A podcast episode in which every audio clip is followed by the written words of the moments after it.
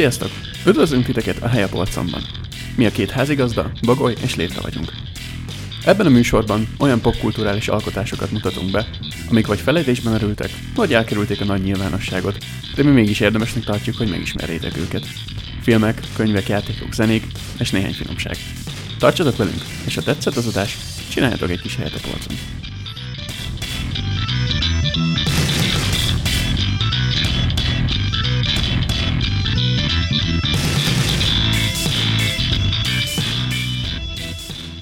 Sziasztok! Ez itt a Hely a Polcon Podcast. Itt van velem műsorvezető társam Létra. Sziasztok! Én pedig Bagoly vagyok. Sziasztok! A mai podcastünkben egy mindkettőnk által nagyon kedvelt könyvsorozatról fogunk beszélni.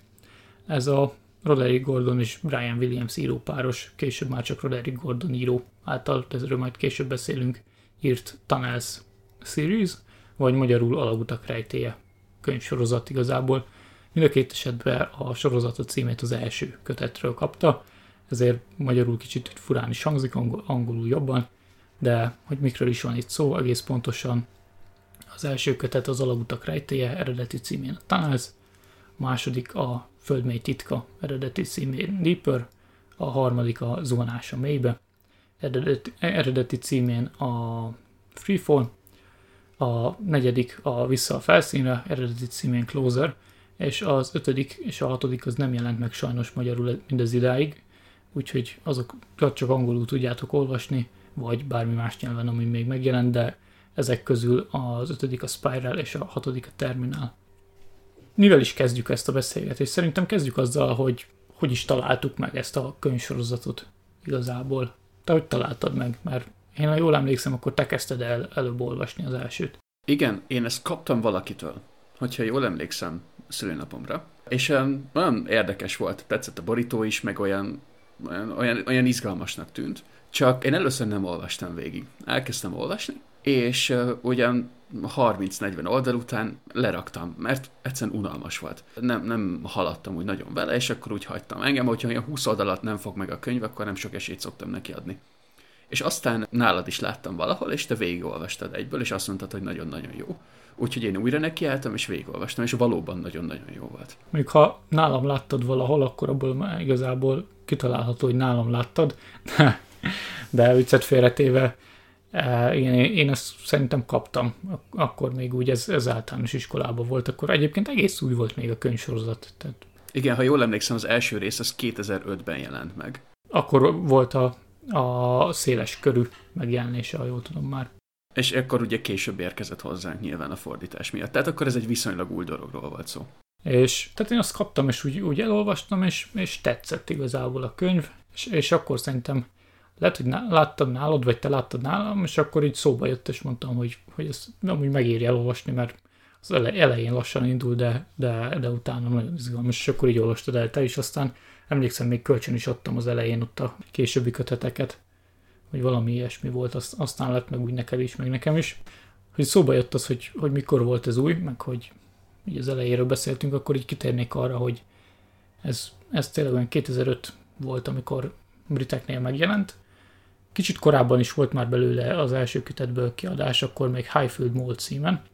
Ezt, ezt még Roderick Gordon saját pénzzel publikálta, ilyen néhány ezres minimális példányszámba volt puha meg, meg kemény kötéses belőle, és erre figyelt fel Barry Cunningham a Chicken House-tól, kiadó, ő, őről azt kell tudni, hogy ő a Harry Potter kiadásáért is felelős, tehát ő fedezte fel így J.K. Rowlingot is, és, és akkor kis átdolgozást kért, és, és utána kiadták talán ezt címen 2005-ben, és akkor az kint egy nagy szenzáció volt nálunk, szerintem elkerült el különösebben a, talán egy, egy-két cikket, ha átvettek, de így, így meg nem mondom fejből ezzel kapcsolatban, hogy ez, ez az új Harry Potter, mert hogy kint, kint ez volt a, a konszenzus, hogy akkor Barry Cunningham megint valami aranyat talált, és akkor ez, ez nagy szenzáció lesz, de aztán ez, ez elmaradt, tehát így már a második kötetnél sem volt sajnos akkor a visszhangja, vagy így egyáltalán szerintem nem is lett találni róluk utána már semmit. Kicsit így a felelésbe merült, úgymond.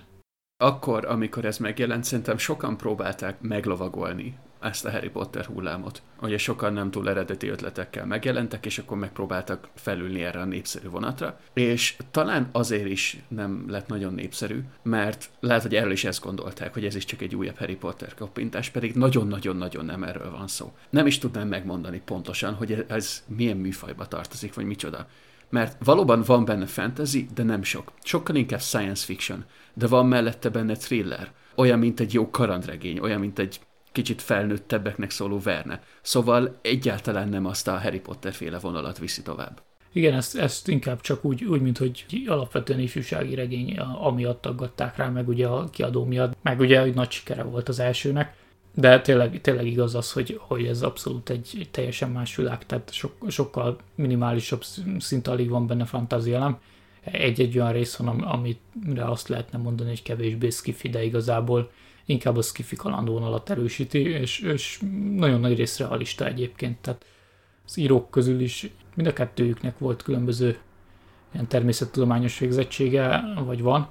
Roderick Gordon az, akiről tudom, hogy ő neki felmenői alapján is geológusok voltak szülei, és akkor őnek is van valami ilyen végzettsége, és akkor például ez is nyomon követhető benne, tehát amikor így nagyrészt föld alatt játszódik a történet, így a címekből is ez, ez kiderül, de hogy, hogy abszolút ilyen stalaktit, stalagmit különbséget magyaráznak benne, meg egy, egy csomó ilyen apróság van, amire fölfigyel az ember, hogy igen, amúgy ez, ez tényleg így van, meg ez tényleg realisztikus. Viszont visszatérve még arra, hogy a kritikák, meg ami, amire kitértem korábban, hogy, a, hogy az elején ugye ott el is akadtál, mert hogy unalmasabb, ez, ez volt az egy nagy kritika, amit felhoztak annó vele szembe, hogy nagyon lassan indult, tehát az elején van talán több mint száz oldal, amik lényegében, mintha semmi se történne, és igazából egy, egy londoni külváros elég szegényes külvárosnak a lakóinak a mindennapját figyelhetjük meg a főszereplőink cselekvéseink keresztül, hogy kikkel találkoznak, meg meg merre járnak, meg ki a gyanús, meg, meg ki a problémás. És, és ezt hozták fel, hogy ez, ez nagyon sok ideig tart, mire igazán beindul az, hogy kaland, és akkor, hogy mégis miről fog szólni ez az egész, mert addig így csepegtetnek információkat, hogy ja, valami fura van, valami van ott a föld alatt, de hogy mire tényleg eljutunk odáig, hogy, hogy mi lesz a főcselekmény, az, az időbe telik. Ez engem egyébként nem zavart, tehát én szeretem az ilyen, ilyen alkotásokat, ahol igazából nem is történik semmi sokáig, hanem csak érdekes a setting, és, és figyeled a részleteket, de, de igen, ez, ez sok embert zavart. Annyit fűznék hozzá, hogy említettük, hogy ifjúsági regény, meg hogy mi is általános iskolatáján olvastuk, viszont én nemrég végigolvastam a sorozatot még egyszer. És uh, egyáltalán nem ifjúsági regény abból a szempontból, hogy csak akkor lehet éve, élvezni, hogyha mondjuk az ember 12 éves. Nem erről van szó. Akkor is lehet nagyon élvezni, mert akkor is nagyon izgalmas, meg leköt, de felnőttként is ugyanolyan izgalmas, és, és ugyanannyira leköt. Ezt emelném ki így a legelején egy nagyon erős pontnak, hogy gyakorlatilag minden korosztály megtalálja benne azt, amit élvezni tud, és így magával ragadja az olvasás. Igen, ezt egyébként mondtad, hogy most neked ez így frissebb a sztori, én, én nem olvastam pár éve, de, de terv, tervben az újraolvasása mert annó nagyon tetszett, és most így elmondtad, meg, meg ha nem olvastad volna, akkor is régóta érdekel, hogy időt szálljak rá, és megnézem, hogy felnőttebb fejjel milyen, de, de nekem is az az érzésem, így láthatlanban is, hogy ez, ez abszolút élvezhető, hogyha bár, bárki olyan, hogy, hogy nem ez a dokumentarista földhöz ragadt, csak a híreket olvast a kategóriájú ember, hanem tényleg érdekli a kaland, érdek, érdekli a kis akció, meg ilyesmi, akkor ez, ez egy abszolút nem, nem korhoz kötött alkotás. Térjünk is rá szerintem arra, hogy nagyjából miről szól az egész, meg hova kell elhelyezni, mert ugye emlegettük a skifi, meg fantasy, meg kaland, meg geológiát dobáloztunk ilyen szavak, és ezek alapján szerintem viszonylag nehéz lehet elképzelni, hogy miről szól. Csináljuk azt, hogy beszéljünk egy kicsit a settingről, hogy hol játszódik, a karakterekről, meg úgy az alapvető sztoriról, a konfliktusról, hogy így hogy is indul az egész. Kezdjük mondjuk a settinggel. Ismét visszaadom neked a szót, azt te jobban el tudod mondani. Hát a setting az, az London egy kitalált külvárosába játszódik, Highfield néven. Ez utcanévként létezik egyébként Londonban, illetve valamelyik városban van is ilyen városnéz, tehát városrész, vagy több helyen is van ilyen utca briteknél, úgyhogy tehát ez, ez egy olyan létező név, maga a városrész az kitalált. De abszolút hihető kitalált városrész, kicsit talán a lakótelepi rész, van egy része, ami lakótelep, az, az nekem túlzásnak tűnt, hogy mennyire lepusztult, hogy húgyszagú lépcsőház meg a szemét a liftbe, bár lehet, hogy tényleg van ilyen Londonban, azért ott szoktunk hallani ilyesmit. Meghajár valaki London külvárosba, hogy néz ott játszódó filmeket, hogy igen, vannak azért szegényebb részek ilyen toronyházas környezetben is, illetve van a hagyományosabb 19. század végén épült része, itt laknak főszereplőink is, amit hát én úgy képzeltem el, meg szerintem mindenki úgy képzel, mint, mint ahogy el lehet képzelni egy ilyen brit sorházas valamit ott a vörös téglákkal, és, és ez, ez a környék, ahol játszódik, csak ez, ez nem egy jobb környék, hanem tényleg egy ilyen szegényebb külváros, ahol ott igazából mindenki éli az életét, de hogy főhőseink se, se a gazdag család, illetve gyanús egyének vannak ott körülöttük.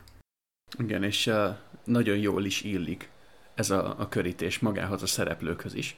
Ugyanis az elején megismerünk egy családot, egy négytagú családot, és alapvetően körülöttük forog a sztori. A családfő, az apuka, dr. Roger Burroughs, egy régész professzor, aki ott a Highfieldi részen a kurátora múzeumnak. Ez, ha jól emlékszem, ez a saját ásatásaiból való kiállítása. Ez egyben a hely, helytörténeti múzeum is, bocsánat, hogy így közbevágok, tehát ez, ez nem csak a saját ásatásai, hanem ez, ez egy ilyen régebbi múzeum, és igazából ő is a környéken ugye ásatgat hobbiból, de a, hogy a nagy rész helytörténet igazából.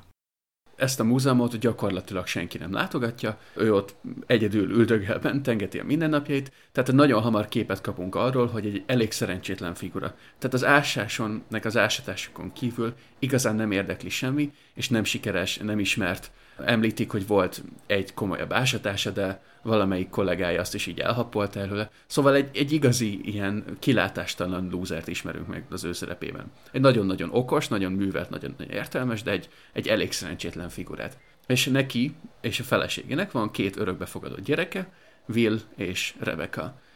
Will olyan 13-4 év körüli srác, és imádja az apját, teljesen rajong érte, és ő is átvette ezt az ásatások meg a régészet iránti rajongást, és állandóan követi az apját mindenhova. Ásatni mennek együtt, együtt régészkednek, és az apja nem sokat foglalkozik vele, tehát gyakorlatilag Will arra jó, hogy ő csákányozzon, amikor Roger Burroughs elfárad, de Will abszolút rajong érte, és akkor próbálja az ásatásokba is annyira beleélni magát. Család másik része pedig Will szintén örökbefogadott húga, Rebecca. Sokat nem tudunk meg róla, az elején annyit, hogy ő viszi a családot, ő a család motorja. Ő főz, ő vásárol, ő intéz mindent, és ott van az anyuka, Cecilia, aki egész nap a tévé előtt ül, és pont. És ez az alapfelállás. Kicsit így visszakanyarodva a settinghez, nagyon jól illik ez a ilyen kilátástalan, szürke, szegény rész a, a családhoz is szerintem, hiszen a, a családi élet is egy ilyen kilátástalan, szürke, szétesőben lévő valami. Tehát ö, olyan, olyan kényelmetlen érzése van az embernek tőle. És innen indul majd el az alapsztori.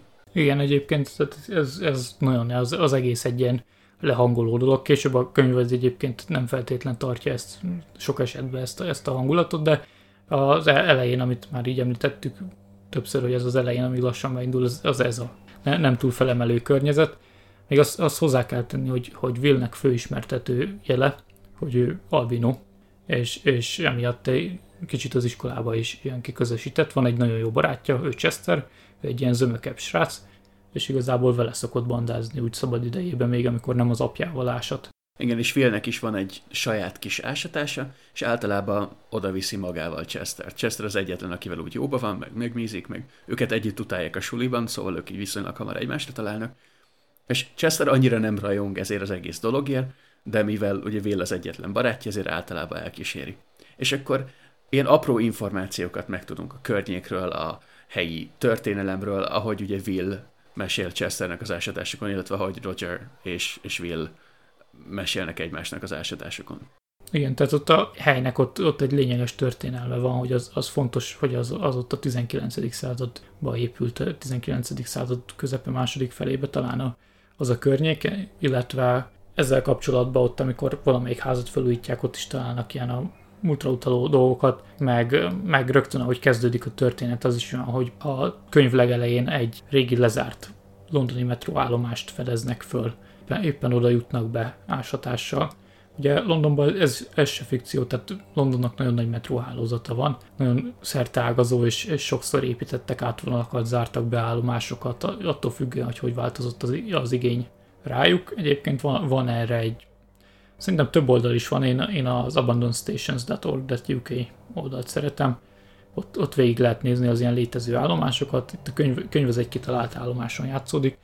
de ezt fedezik föl, ez, ez egy ilyen a kora 20. században bezárt állomás, ahol talán már vonalon se járott metró, erre nem emlékszek, de hogy ott hagyták érintetlenül, és akkor itt kezdődik a sztori, és igazából itt jön képbe az, az ami miatt a város múltja is, is képbe jön, és fontos, hogy ott találnak egy, egy liftet, ami kicsit inkább ilyen bányász liftre emlékeztető, ilyen fémrácsos lift, és az, az leviszi őket egy helységbe, ahol egy zsilipajtó túloldalán egy zöld fényben úszó hatalmas csarnokba egy várost látnak, ami szintén egy, egy a föntihez hasonló korba, tehát hasonló stílusba épült ilyen 19. századi London külváros kinézete van, és ami meglepi őket, hogy, hogy ez, ez egy abszolút élő város. Azonban itt jön képbe az, hogy, hogy ezt itt megtalálják, és utána itt, itt ez sokáig csak lassan halad a sztori, hogy, hogy ez, ez miért is lesz fontos nekünk, de hogy fönt a felszínen is egyébként erre utaló nyomokat találnak, tehát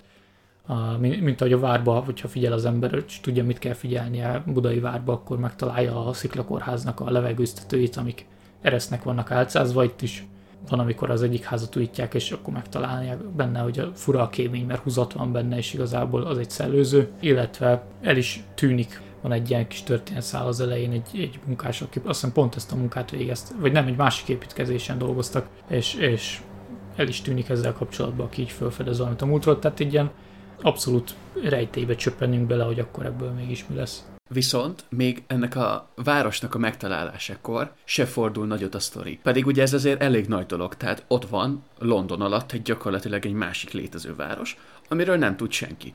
Ahol emberek élnek, ahol mindennapok zajlanak ugyanúgy, mint a felszínen, csak épp a föld alatt. És még ez se rúgja be igazán a cselekményeket, hanem ez is úgy el van magának, mint szál, és egyszer csak Roger Burroughs, ugye az apuka, eltűnik napokra, és nem tudnak róla semmit, nem hallanak róla, és hasonló. És Willnek ugye viszonylag hamar nyilvánvaló lesz, hogy visszament Dr. Burroughs nélküle felfedezni ezt a várost. És ugye nem tudják, hogy mit évük, legyenek, halogatják, hirdetést adnak rá a rendőrségen és hasonló, de Will úgy dönt, hogy ő utána megy az apjának, és hóna alá kapja Chestert, és akkor ők is elindulnak e felé a város felé. És akkor itt van az a pont, ahol igazán beindul a sztori cselekménye, és aki eddig eljutott, és eddig unatkozott, ennek tökéletesen megérte, ugyanis innentől kezdve felül a sztori egy ilyen hihetetlen sebességű hullámvasútra, és elképesztően izgalmas lesz. Tehát itt is úgy kell elképzelni, hogy a, mennyire hirtelen a váltás, hogy a saját pincéjükből ás le oda, jut be oda Dr. Barrows, és, és tényleg a, a családnak addig követted így a ház környékén a mindennapjaikat, tehát Vilnek is ott a kis saját társatása a ház mögötti üres területen egy, egy ilyen bunker igazából a föld alatt, tehát egy ilyen gödör, amit, aminek van teteje, és, és onnan egyszer csak átcsöppennek egy abszolút más helyre, és akkor így, így ott, ott kezd el majd összeállni a történet, de ezt, ezt majd később nem meséljük végig, hanem majd, majd bejelentjük nem sokára, hogy, hogy innentől spoileres, és akkor kedvenc részeinket azért szerintem átbeszéljük, de hogy tényleg innentől így összefoglalásról azt kell mondjam, hogy hogy itt, itt van az, amikor többet nem mesélhetünk a sztoriról így, így spoiler nélkül, mert innent, innentől izgalmas, a többi az tényleg az elején kiderül. Én, én abszolút ajánlani tudom bárkinek, tehát minden, mindenképp mielőtt valaki végighallgatná ezt az egészet, hogy mik a kedvenc részeink, az olvassa el mindenképpen azt a könyvsorozatot, mert egy, egy nagyon egyedi és, és zseniális alkotás, és, és bár, bárki, aki szereti kicsit ezt a akár csak a kalandot, akár az ilyen realistább skifit, minimális fantazi elemekkel, akár csak egy jó ifjúsági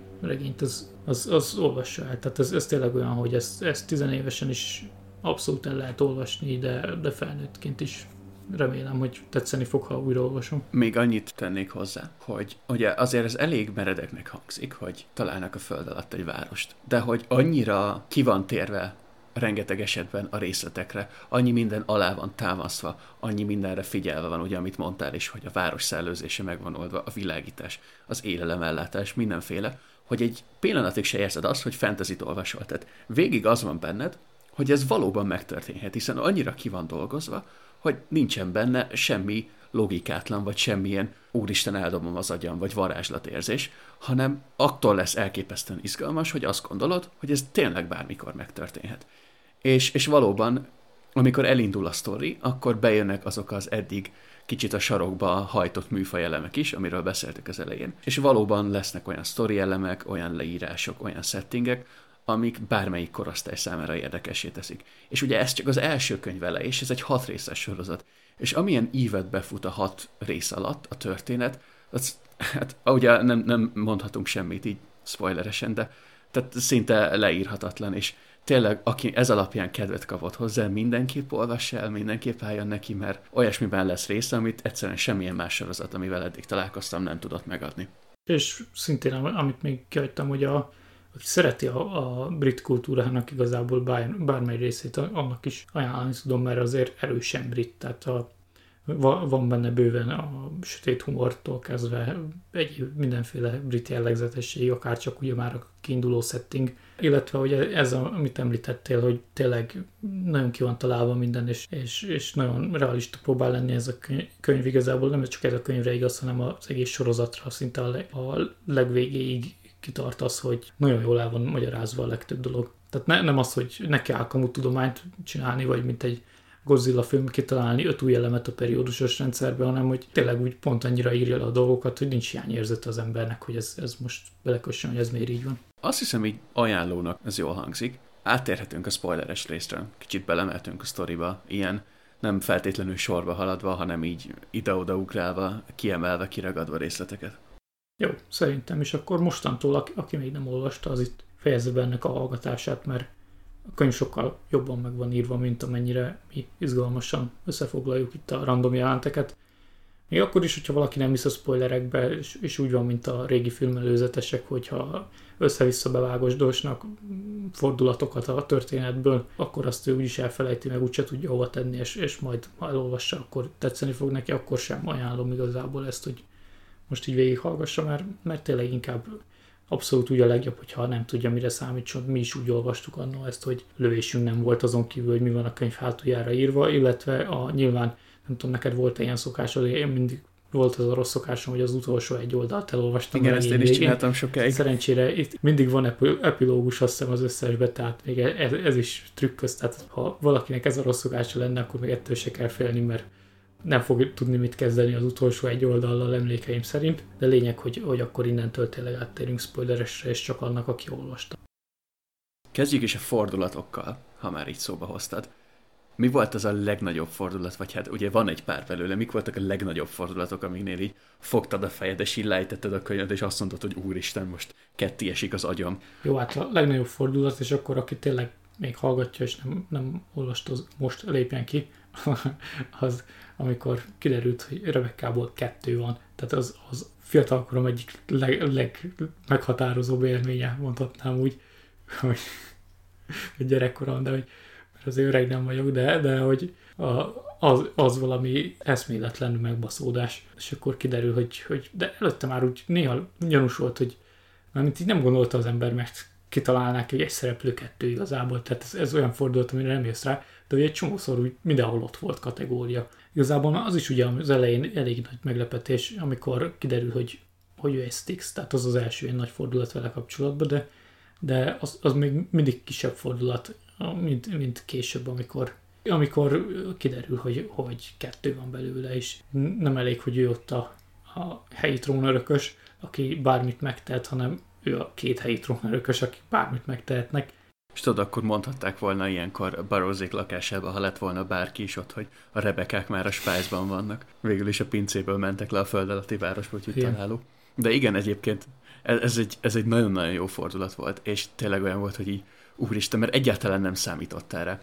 És először gondoltam azt, hogy nekem talán az lenne, amikor ugye megtudtuk eleve, hogy a Stixek, Stixek, vagyis hát az ő létezésüket, de aztán, ha belegondolsz, róluk az elején nem derül ki annyi sok minden, hogy ez ilyen nagyon új információnak hasonlít. Tehát nekem sokáig az volt az érzésem, hogy ez csak egy elnevezése annak a társadalmi rétegnek, amihez ők tartoznak ott a városban.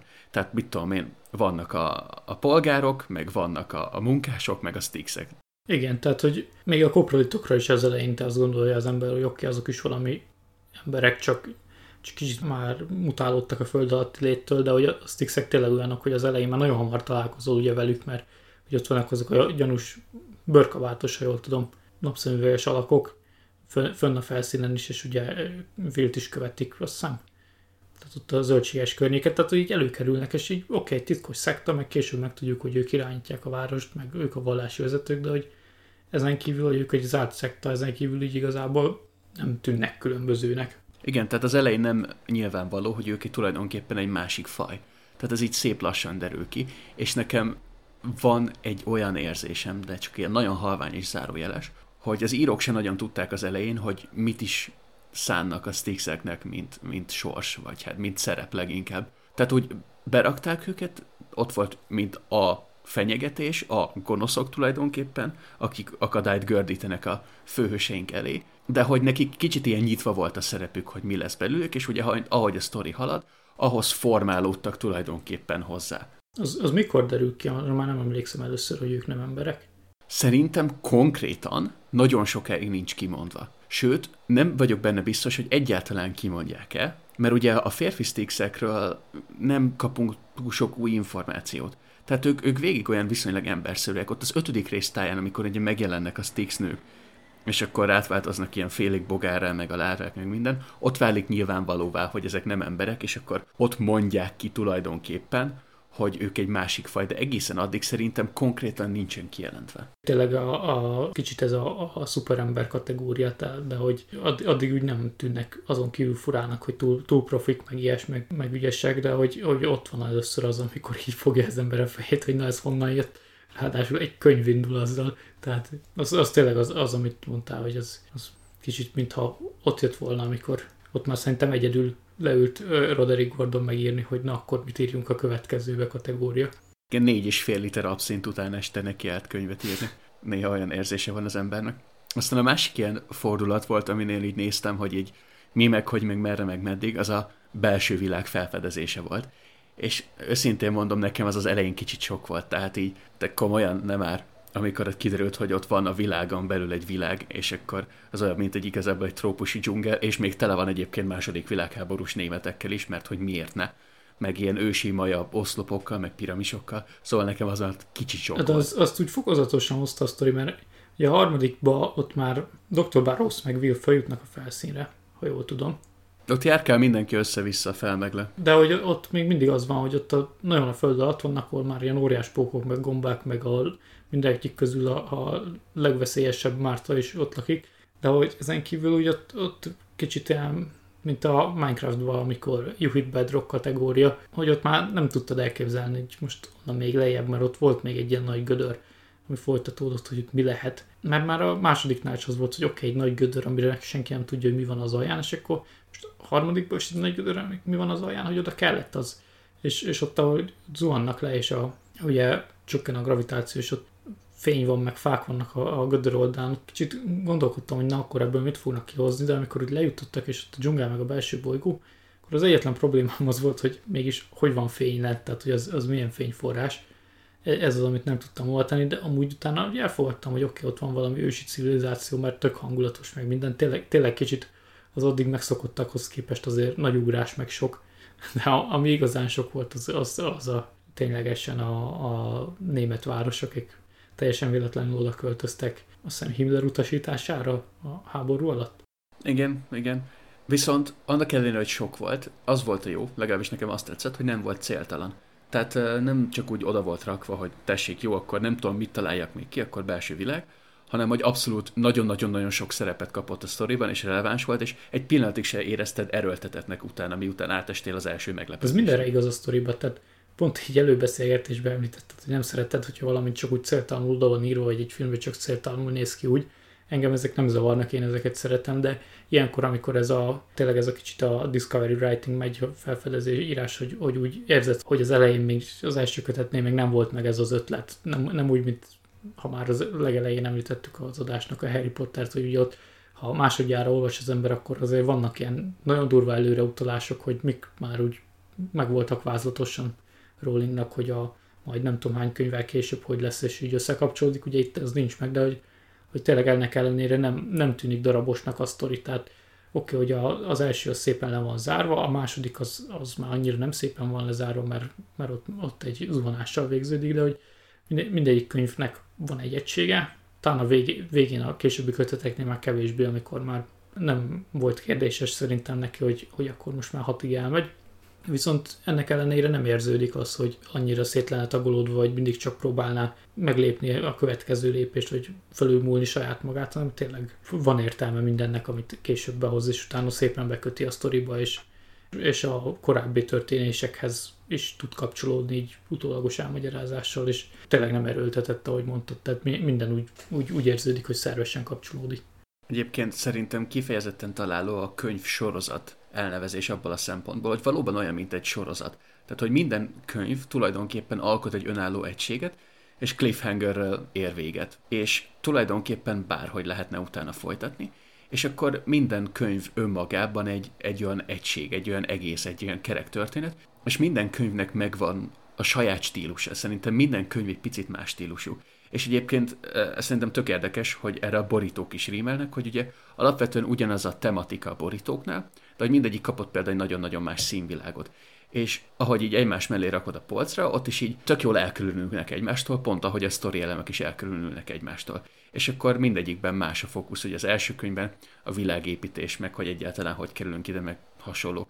A második könyvben az úgy kicsit kibővíti, és tulajdonképpen le is zár egy történet szálat, és gyakorlatilag a, a normális történetvezetés egy részét is lezárja szerintem a második könyv, hogy ott a harmadiknál igazán kiborul a pohárból az a négy és fél liter abszint, amit Roderick Gordon ivott írás előtt, és utána van a harmadik, azt olyan nehéz hova tenni, aztán jön a negyedik, ahol belső világ van, meg akkor egy újabb világépítés, meg egy újra kibővítjük az egészet. Aztán van az ötödik, ahol ugye felmennek a felszínre, meg ott vannak perék, és akkor a csapatot összerakjuk, és akkor mindenhol már minden történik, meg hidegháború, meg bunker, meg hasonló, és ott van a hatodik, ami meg egy ilyen, ilyen teljesen vágtázó, elborult hatlábú marhaság. Igen, de amúgy már a negyedikben is, amikor ott Drake mennek fel a felszínre, ott is már azok vannak, hogy ott kiderül, hogy akkor ő neki pontosan mi volt a múltja, meg milyen szervezet volt, meg már régebb óta figyelik a lentieket, tehát hogy elszabadul a pokol ez a angol kifejezéssel az all hell breaks loose, tehát ez a teljesen szabadjára engednek minden, de hogy ez, ez igazából a jófajta könyvsorozat, tehát hogy szeretem az olyan könyvsorozatot is, ahol úgy, úgy tényleg megkövetelik azt, hogy végigolvasd, meg itt is azért megköveteli, mert izgalmas, hogy végigolvasd, de hogy nincs az az érzésed, hogy ez igazából egy több ezer oldalas könyv, hanem hogy ami csak föl van darabolva, hanem hogy, hogy tényleg az, hogy, hogy ezek önállóan is, is értelmes történetek, Nyilván ismerni kell az előzményeket, de hogy, hogy mindegyik egy egységbe zárja, ahogy mondtad. Még jó tulajdonsága szerintem a sorozatnak, hogyha tegyük fel, hogy már sokszor olvastad az egészet egybe, és van egy, tudom én, specifikus hangulatod, akkor mindig meg tudod találni azt a részt hozzá éppen, hogy így, hogy így leveszed azt a részt, és akkor úgy is tudod, hogy mi történt előtte, mindig utána, de valamilyen hangulatba akarsz kerülni, akkor mindegyikhez megtalad a, a kötelező részt, vagy hát az ahhoz passzoló részt. Például nekem ilyen az ötödik rész, azt venném le bármikor, mert nekem messze az volt a kedvencem. Szóval, hogy említetted Drake-et, kicsit térjünk ki azokra a karakterekre, ugye, akit nem említettük a bevezetőben, mert szerintem rengeteg igazán-igazán jó karakter van. Neked kik a kedvenceid? Hát szerintem itt menjünk sorrendbe, hogy nagyjából, hogy tudjuk követni, hogy a, mondjuk az első kötetben ki, kik voltak, akikre így nagyon emlékezetesek. Ugye ott, ott nagyon szépen megismertük a, a városi hierarchiát, meg mindent. Ott mindig elfelejtem, hogy nagyon-nagyon régen olvastam a, a, hogy hívják a bácsikáját Vilnek. Ugye ott a család az egy a Tem bácsi. Tem bácsi, igen, de hogy el, eléggé engem irritált a család igazából. Tehát egy olyan nagyon szigorú viktoriánus család, és, és nem is szimpatikusak. De igazából már ott lent a két rendőr se szimpatikus, viszont, viszont ott a bácsikája az, az meg a, a tipikus helyi klisé karakter, aki, aki majd segíteni fog nekik, mert ő, ő a helyi fene gyerek, csak épp motorja nincs, mert, mert oda lent nem divat a motor, de hogy őt, őt például bírtam az elsőből illetve az első, elsőben még, aki, aki nekem megmaradt és idegesítő karakter volt, a nénikéje, aki ott lakott a, a lakótelepen valamelyik tömbházba, tehát aki kicsit gyűjtögető is volt, meg, meg, meg leginkább egy lepusztult alkoholista, tehát az, az engem az elsőben zavart. Oké, hogy ő igazából segítő karakter, meg igazából végig csak jót tesz, de hogy, de hogy zavaró volt. Tem akinek az volt a szerepe, hogy meghalljon. Ez a, szerintem a, a legtöbb ilyen kalandfilmben, neked kalandregény sorozatban van ez a szereplő, aki ugye mindent nagyon jól tud, minden is nagyon jól megy neki, nagyon bölcs, nagyon erős, nagyon tud verekedni, és nagyon vagány, és nagyon meghal. Igen, de hogy utána meg jön ennek a következő fokozata Drake, aki, aki ilyen lesz, de úgy neked így az első könyvre, akkor még ott neked van így, akit nem említettem, és úgy kiemelnéd?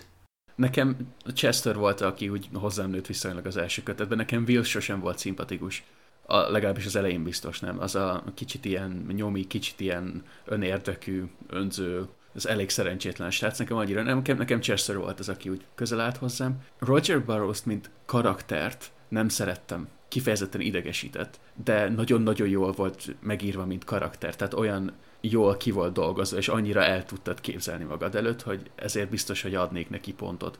Illetve hát Rebecca, ugye annak ellenére, hogy egy 12 éves kislányról beszéltünk az elején, bár úgy is félelmetes volt. Tehát valahogy úgy volt megírva, valami volt benne, hogy ilyen kellemetlen érzésed volt vele kapcsolatban. De amikor én olvastam, meg te először olvastad, akkor az, az nem volt egy nagy korkülönbség. Tehát ott még sokkal ijesztőbb elhangzik, mint most így mondod, de kíváncsi lennék, hogy így mennyire felettettél ezt, ezt a dolgot a könyv.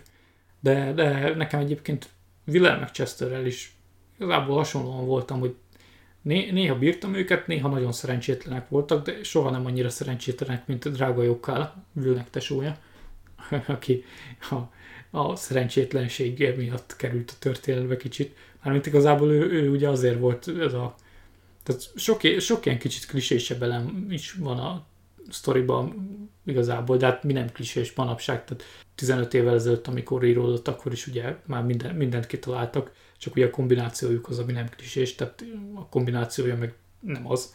Viszont ő, ő volt ugye az a karakter, akinek leginkább annyi szerepe volt, hogy rácsodálkozzon az egészre, hogy felszínen a világ, meg hogy legyen valami kötődése Vilnek, meg, meg ugye az anyjáról meg tudunk dolgokat ő, ő volt az, aki kicsit idegesített, főleg a másodikba.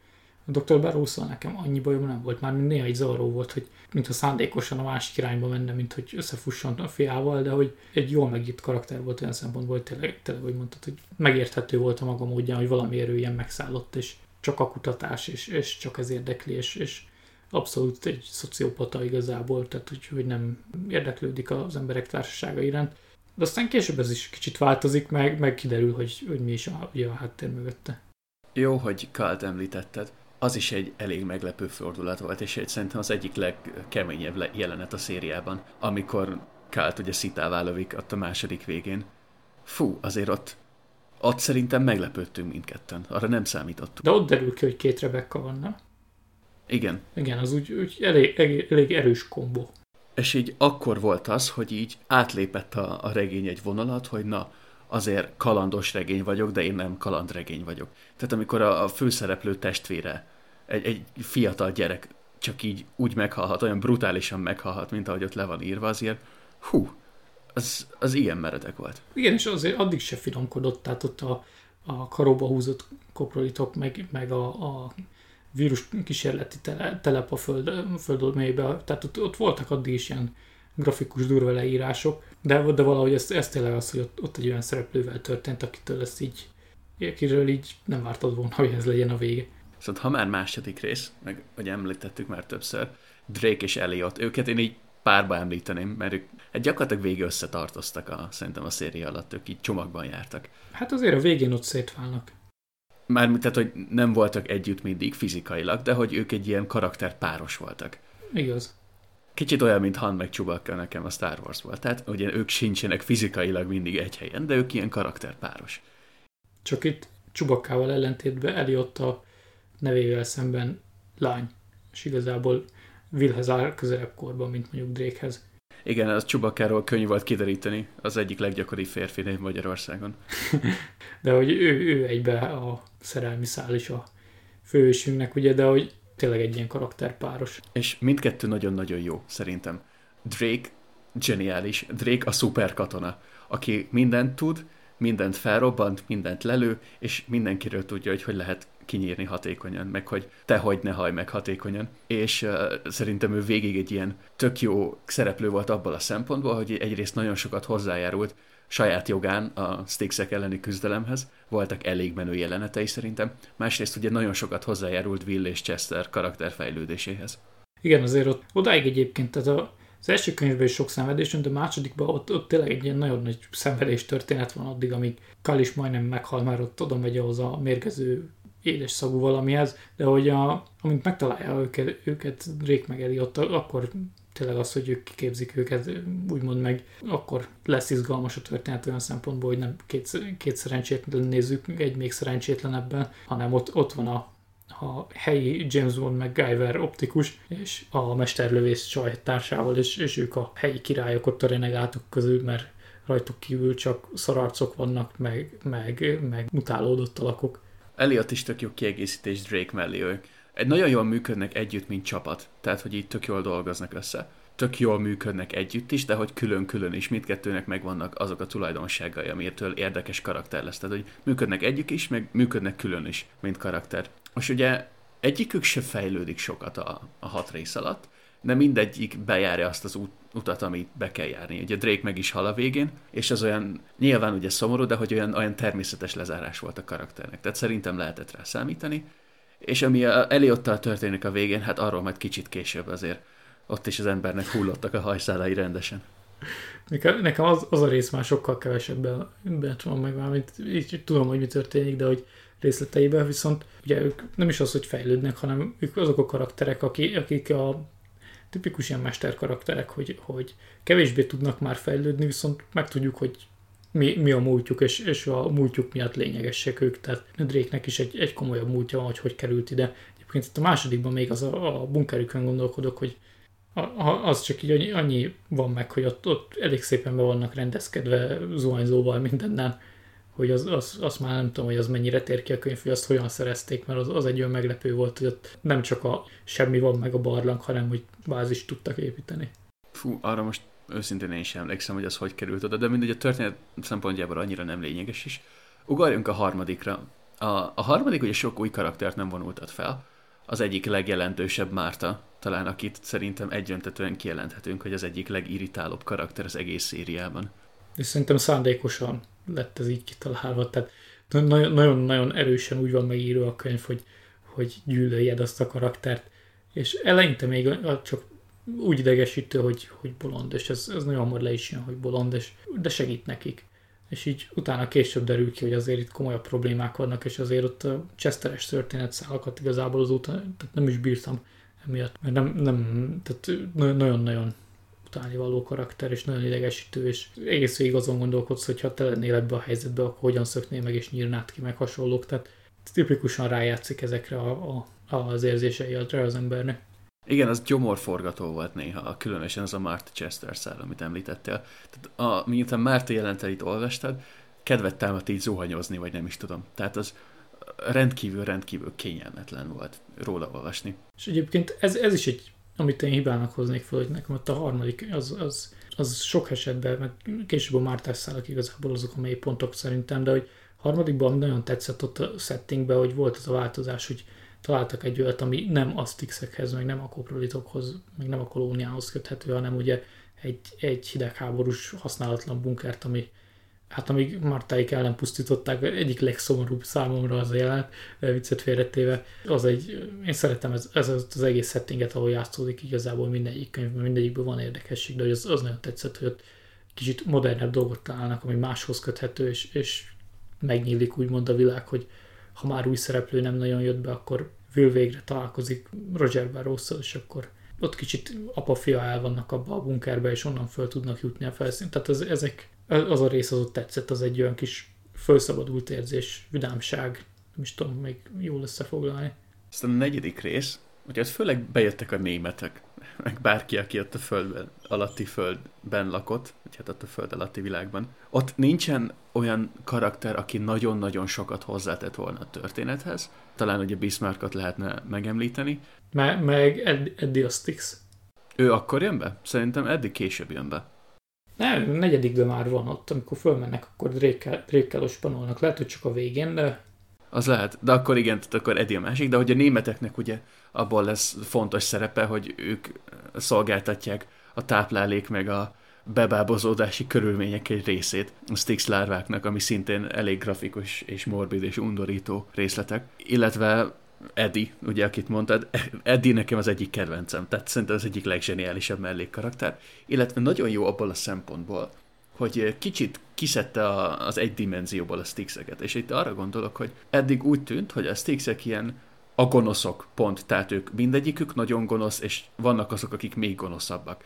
De nem, mert hogy ugye Eddie Styx és egy renegát Styx, és ezzel adott egy olyan mélységet az egész történetnek, hogy ők is egy ilyen élő, lélegző társadalmi csoport, és nekik is vannak ellentéték, azon belül is vannak pártok, ott se ért egyet mindenki mindenkivel. Ez egy ilyen tök jó kis csavar volt a történet. Igen, egyébként arra nem számít, mert addig mindig, mindig úgy vannak, hogy ott a kolóniánál ők a, a rendfertartó erők, meg a, a vallási vezető szekta, meg, meg lent a földmélybe is, ugye oda vonattal ők lejárnak, mert onnan szerzik a nyersanyagokat igazából, és a koprolitokat elnyomják, ott kísérleteznek, illetve aki oda száműzve van, azokat is sem hagyják békén, hanem terrorizálják igazából hobbiból. Tehát ott van egy, egy regulátor hadseregük, de hogy utána, utána tényleg azt később, hogy alapból ezzel a névvel, hogy eddig csak jó karaktert lehet csinálni szerintem, tehát, de, de tényleg az van, hogy, hogy kell az, hogy ott ő megjelenik, és, és, és egy abszolút szerethető is karakter, aki tényleg profi. Aztán jön az ötödik rész, ami nekem messze a kedvencem. Főleg ott a, a Paris részek, a Skóciában a birtokon. Engem kicsit emlékeztetett a könyv az ilyen a Hollywood aranykorából származó ilyen háborús filmekre, ott Perrék miatt, meg a, a skót birtok, meg ott a csapat miatt. Ja, ez a Kelly hősei, meg a Piszkos 12, hogy így a összerakják a csapatot, meg, meg igazából sok ilyen film van, ahol, tehát mint a Redbe, hogy összerakják a régi csapatot, nem is, nem is újat, és, és mindenkinek van valami szerethető dolga a múltjából, meg valami különleges képessége, hogy miért fontos a csapatnak, az, az nekem is nagyon tetszett, mert ugye a negyedikben ott már szóba jön az, hogy, hogy Drake-nek ugye volt egy szervezet, talán már a harmadikban is, tehát, hogy, hogy, hogy kezd kiderülni, hogy azért ott, ott komolyabb dolog állt mögött, és akkor kiderül, hogy igazából az e- egész köthető Drake-nek apjához, Perryhez, aki, aki egy ilyen a helyi öreg kommandós. És szerintem azok a részek, azok, ahol nagyon-nagyon átjön ez az angol humor. Elképesztően zseniálisak azok a részek, és szórakoztató, de tulajdonképpen komoly is, meg néha szomorú is, de ott is aztán történik minden, ugye, akkor a Churchill bunkerében, amikor vannak, az is ilyen kicsit ilyen szurkálódás a, a kultúra felé, nagyon-nagyon tetszettek. Igen, de és ott is az, ami végig a könyvben nekem a kedvencem, hogy főleg a későbbiekben, hogy, settingekben mindig tudnak valami új menőt hozni, mert az az egész kódbirtok is nagyon jól le van írva, és, és nagyon hangulatos, és a karakterek hát nagyon jól kiegészíti, tehát úgy, úgy összességében jó az egész, hogy nem csak a karakterek jók, hanem az egész helyszín hangulatos, ahol van, és és élvezett olvasni, de hogy jön az a Churchill bunker, hogy, hogy ott vannak a nyugdíjas kommandósok, és hát van egy ilyen atombunker, ahol még Churchill is egyszer megszállt kipróbálni, hogy milyen, és akkor menjünk már el oda. Az, az is így a karaktereket egészíti ki, hogy, hogy mik vannak. Az ötödik rész végén nekem az volt az egyik legfélelmetesebb jelenet sor, amikor ott vannak a, a raktárházban, és ugye ott találkozunk először a Stakes nőkkel, és ezzel a warrior klasszal, meg a lárvákkal, meg minden, és nem is azért volt nekem az nagyon-nagyon félelmetes, mert hogy úgy volt leírva éppen, vagy ijesztő volt, hanem hogy olyan elképesztő fenyegetést jelentettek a főszereplőnkre, hogy így nem tudtad elképzelni utána, hogy na, most ebből hogy fognak kimászni. És egy ilyen rendkívül nyomasztó érzés volt az a, az, az elképesztő erőfölény, amit ott a Stixek megkaptak. Igen, de ott már negyedikbe ott már ugye volt szó ilyen, hogy a kormány kórházakat von össze, meg a, a negyedik végén talán már ott a medencébe valami fura dologot Az az ötödik rész végén van. Ötödik rész végén Igen, van? az az ötödik rész végén.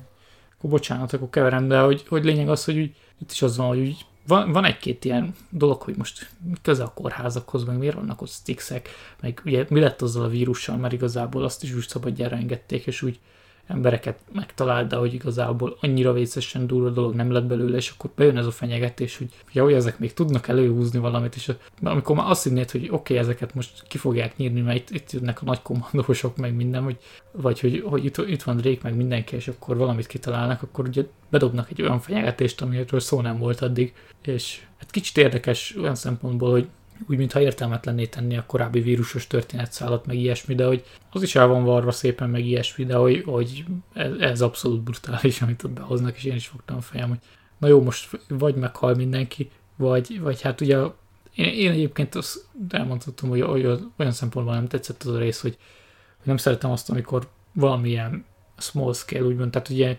néhány karakterre kihatással lévő sztori, és a világ nem tud róla, és akkor utána hirtelen átvált abba, hogy jó, akkor kipusztítjuk a félvilágot. Szerintem meg pont ez volt a, a jó pontja, ugyanis minden egyes részre jellemző volt, hogy rátett egy lapáttal az előzőre, vagy éppen többel. És volt egy pont, ahol már ezen a small scale-en belül nem lehetett volna tovább fokozni. Tehát akkor csak ismételte volna önmagát, vagy lefele indult volna a történet. Tehát muszáj volt még egy szintet feljebb lépni. És szerintem nagyon jól meg volt csinálva, hogy sokkal inkább így kibővítette az egészet, és sokkal inkább monumentálisan, jelentőségteljesítette. Úgyhogy én ezt, ezt inkább sokkal inkább jó pontnak írnám be, mint rossznak. Amúgy az tény, hogy rá kellett rakjon lapáttal, tehát azért igen, ez a hat könyv után azért már főleg, hogy, hogy végig addig azzal ment, hogy mindig valami újat mutatott, a németek után már nehéz lett volna bármit csinálni, hogyha nem, nem erre megy el, csak csak kicsit úgy, fő, főleg a, a hatodik végére jutottam odáig, hogy azért... Emmán sok. Igen, igen, hogy sok, meg hogy, hogy valami értelmesebb véget is ki lehetett volna még hozni a sztoriból. Tehát, hogy nem volt, ott, ott jön az, az a rész, hogy egészen ideig ugye gyönyörűen mindenki van fejtve pont annyi arra, amennyire szeretnéd, tehát úgy nincs nagyon hiányérzeted. Ott a hatodik végén azért volt. Tehát ott nekem hiányoztak így dolgok, hogy akkor ezt most miért kellett. A hatodik egyébként egy picit összecsapottnak érződik olvasva. Igen az, az érződik rajta nagyon, hogy már nagyon be akarta fejezni, csak ugye ott volt mellett, hogy öt könyvben keresztül vitte egy történetszálat, és nem úgy ért véget az ötödik se, hogy na most ennek mindjárt vége. Tehát szerintem, hogyha felé ilyen hosszúra tervezte volna a hatodik könyvet, akkor lett volna pont jó, mert akkor lett volna egy kicsit hosszabb, de hogy rendes lezárás kapott, de ilyen egy kicsit összecsapott volt egyébként. És ott már nagyon sok minden ilyen kérdőjeles elem bejött az amerikaiaktól kezdve, meg a nukleáris háború, meg hasonló, és ez azért volt szerintem kár, mert pont az volt egy tök jó tulajdonság az addigi részeknek, amit említettünk, és ugye, hogy minden részlet nagyon ügyelve volt, meg nagyon ki volt dolgozva, meg nem voltak nagyon ellentmondások, meg ilyen nagyon elvallatlan szálak. Mindegy, valahogy be kellett fejezni, és a vé- én a végét is megvédeném, mert én szerintem bennem hiányérzet valahat volna, hogyha nem valamilyen orbitális marhasággal ér véget, vagy ugye az orbitális az itt két értelmű is tulajdonképpen, mert hát a végén ott történnek dolgok de hogy nekem hiányérzetem lett volna, hogyha kevésbé monumentális, vagy kevésbé marhaság véget ér. Szóval én pont a végét megvédeném, de abban igazat adok, hogy, hogy elég összecsapott volt, meg elég össze-vissza volt a hatodik könyv.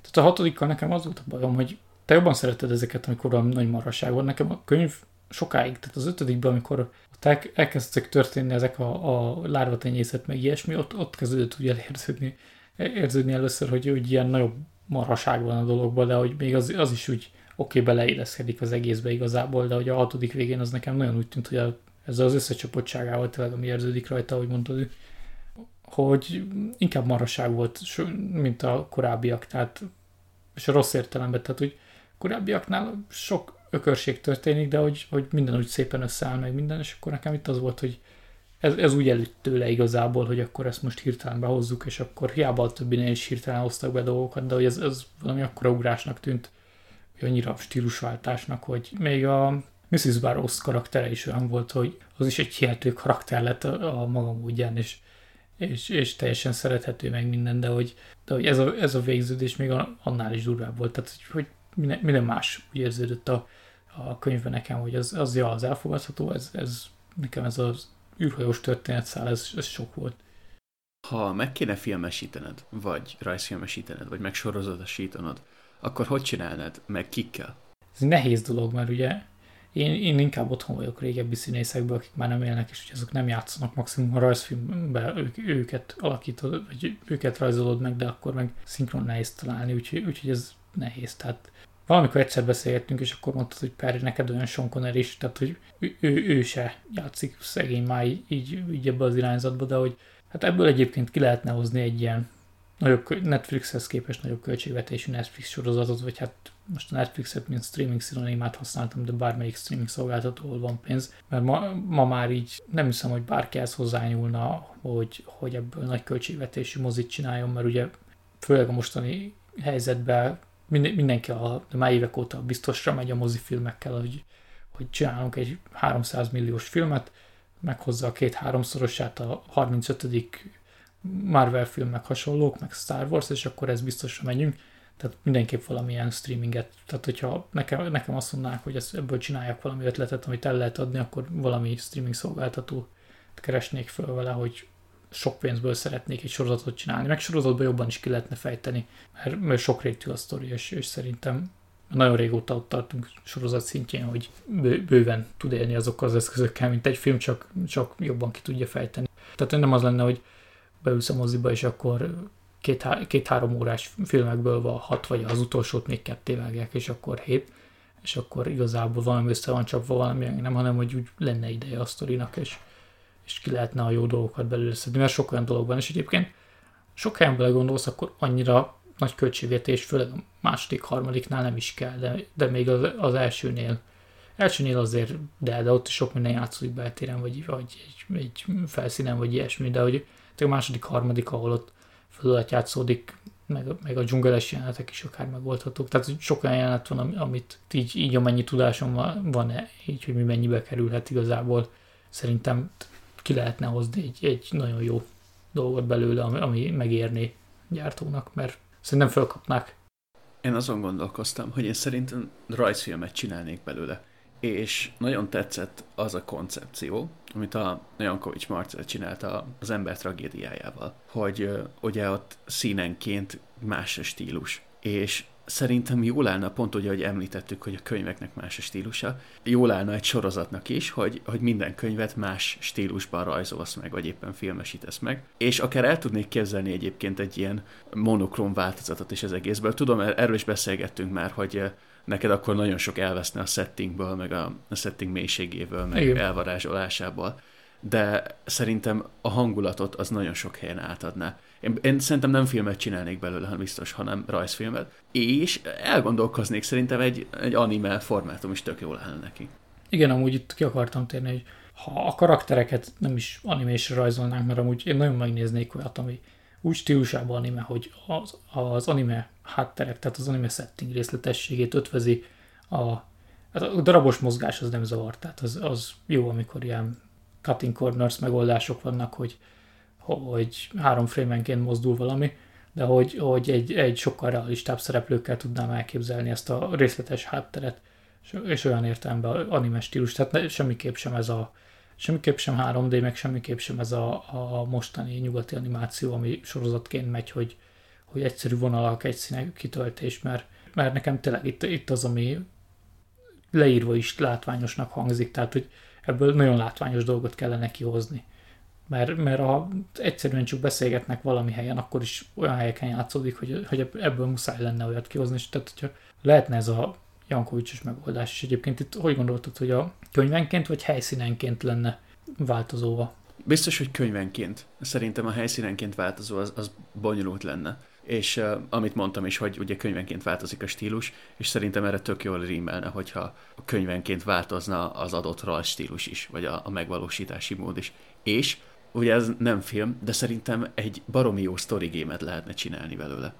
Ez, ez egyébként igaz. Még, még annyi rajzfilmről, hogy Jankovicsból, hát a, nem a klasszikus Jankovics stílus, illik szerintem a sztorihoz, mert az pont az, hogy az, az kevésbé realista, és ez valami realistább ábrázolás kell, de hogy tényleg amúgy ebből, ebből egy nagyon, nagyon izgalmas és szép játékot lehetne kihozni, aminek nagyon-nagyon jó sztoria van, mert a könyvnek nagyon-nagyon jó sztoria, és igazából adja magát nagyon sok helyen, hogy még néha open world elemeket is lehetne belevinni. Tehát, hogy szerintem nagyon jókat ki lehetne hozni belőle. Tehát még, még, még a kolóniát is be lehetne járni, úgyhogy a keretek között maradunk, hogy akármit nem lehet csinálni, mert úgy szigorú szabályok vannak, de hogy lentebbi helyszínek, vagy, vagy bármi ilyesmi, tehát egy csomó dolgot össze, és egy igazi kalandjáték lenne, mert lehetne ott a motorcsónakos jelenetet megcsinálni, meg a, lehetne benne lövöldözés, meg bármi, tehát és tényleg a, a sztori miatt ez, ez megérni. És az, az még egy olyan, mint a sorozat, hogy ki tudná fejteni bőven a sztorit és ilyen fél open worldként, és akkor csomó játékelemet lehetne belerakni, amit ugye sztoritól függően, amit mondtál is, hogy akkor kelljen motorcsónakot vezetni, meg kelljen szűk járatban tájékozódni, meg kelljen lövöldözni, meg kelljen menekülni, meg felfedezni. Biztos, hogy izgalmas lenne. Értékeljünk szerintem így spoilerestől mindenestől. Nekem igazából ez, ez amit az elején nem spoileres résznél is mondtam, igazából, tehát hamar megtetszett már az elején is, amikor így, így még nem indult be a sztori, és utána is végig, nagyon lekötött, és tényleg az, amit említettünk, hogy más, mint, mint bármi, viszont olyan szempontból hozza a megszokottat, hogy van benne kaland, meg van, van benne akciózás, meg ilyesmi, de, de úgy van összekombinálva, hogy egy ilyen sok műfajt kever, és egy, egy nagyon egyéni dolgot hoz ki, tehát ez, ez tetszik benne nagyon. meg, meg tetszik, hogy, hogy tényleg nagyon sok minden abszolút realista, meg, meg hihető és, és részletesen le van írva, mert én jobban szeretem az olyan történeteket, hogyha olvasok, ami sok időt fordít a helyszínek leírására, még, még akkor is, meg a setting felépítésére, meg akkor is, hogyha ez a, a gyorsaság rovására megy, mert, mert valahogy, hogyha oldalanként meghal négy karakter, meg, meg, meg há, három történetnek vége van egy oldalon, az így ne, nekem sok, meg túlpörgős, meg pont, a, pont azt szeretem, hogyha ha olvasok, akkor így a, a setting legyen az, az, amit el tudjak képzelni, mert, mert az nagyon sokat ad hozzá a könyvhez, és ez itt megvan, tehát én ezt szeretem. És meglepő, hogy, hogy ilyen jól emlékszek rá, úgyhogy ennyi, ennyi ideje nem olvastam, és, és tényleg hát meghoztam a magam kedvét is, hogy újraolvassam. Tehát, hogy nyár, nyáron ezt be kéne iktatni. Te hogy vagy vele? Nekem tetszett az, hogy nagyon-nagyon bátor abból a szempontból, hogy egyrészt mer más lenni, mint ugye akkor nagyjából a mainstream vonal a fantasyben vagy science fictionben, mer könyvenként újítani, és mer olyan sztori elemeket bevinni, amik nagyon-nagyon rizikósak, és hogyha nincsenek jól megírva, akkor egy ilyen óriási borzasztó katyvasz is lehetett belőle. Tehát rengeteg hely van szerintem, ahol kisikolhatott volna. Ezt mondják? Hát ez, ez nem, nem annyira magyaros, de, de mondják. Tehát akkor mondom az, ahol a sztori félrecsúszhatott volna, ahol nagyon nagy blama lehetett volna belőle, de nem lett.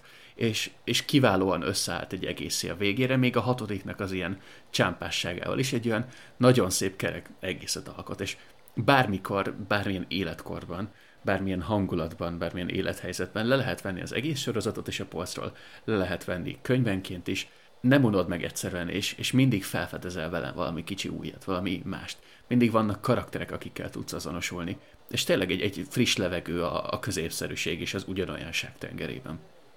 Igen, mert azért, amikor ez írólt, akkor, akkor nagyon ment az, hogy a, egyrészt a Harry Potter akkor még futott, ha jól tudom, a 2005-ben, akkor még nem jelent meg az összes könyv. Nem. Úgy emlékszem. Nem, még bőven nem. Illet, illetve akkor ugye a Gyűrűk Ura filmek nyomán nagyon beindult ez a, a, talán már a 90-es években is ez a nagy fantasy, meg, meg kaland fantasy irányzat, meg Skiffy talán annyira nem, de hogy, hogy meg a filmek, filmek terén is ugye ment ez a, hát a 2000-es évek, 2010 előtt időszakban bukott meg ugye nagyon ez a, az ifjúsági fantasy kalandvonal, de hogy, hogy ott nagyon sok minden hasonló volt igazából.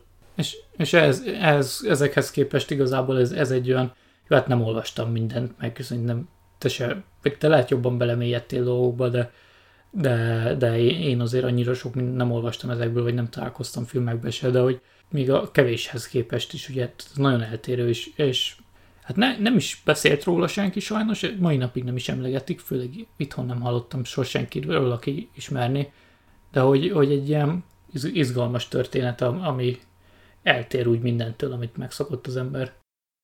Nekem olyan érzésem volt, közben egy ilyen rendkívül jó nosztalgiai érzés, mint hogyha Vernét előre tolták volna az időben, és ő írta volna ezt 2005-ben. Nekem azt, azt az érzést hozta vissza, amik azok a regények, ugye a Nemo kapitány, meg az utazás a föld középpontja felé, nekem azok nagy kedvenceim voltak, és ugyanezt egy kicsit modernebb, kicsit komolyabb, kicsit bátrabb köntösben visszaadta. Jó, hát egyébként Verne ez így egy szép végszó szerintem, úgyhogy igazából szebb végszó, mint az Eragon lett volna, hogyha említettük volna ebbe az adásba, de ez sajnos kimaradt. Pedig Igen, szerencsére nem említettük. Még most se, pedig azt mindig jó szidni. Ez annál sokkal jobb.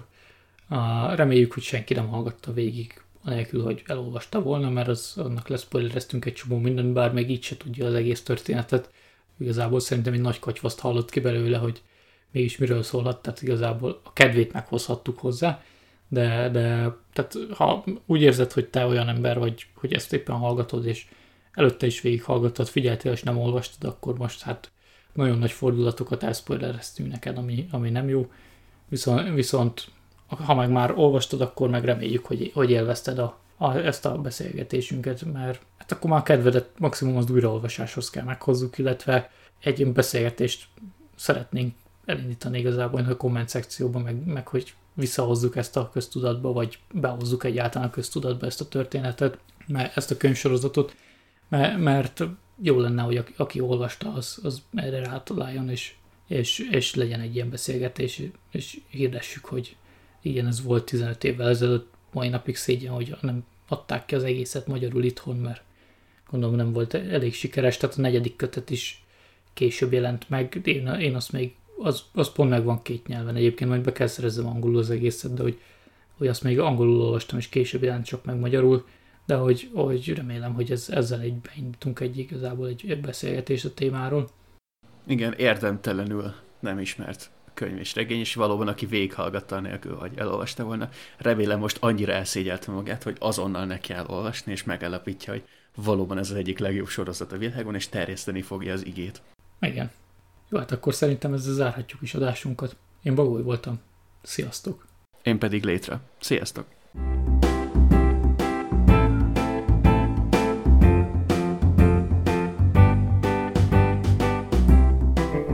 podcastünket megtaláljátok a Helya Polcon YouTube csatornán, a Soundcloudon és a Spotify-on is. Ha pedig nem akartok semmi újdonságról lemaradni, kövessetek minket Twitteren, a következő adásig pedig csináljatok még egy helyet a polcon. Sziasztok!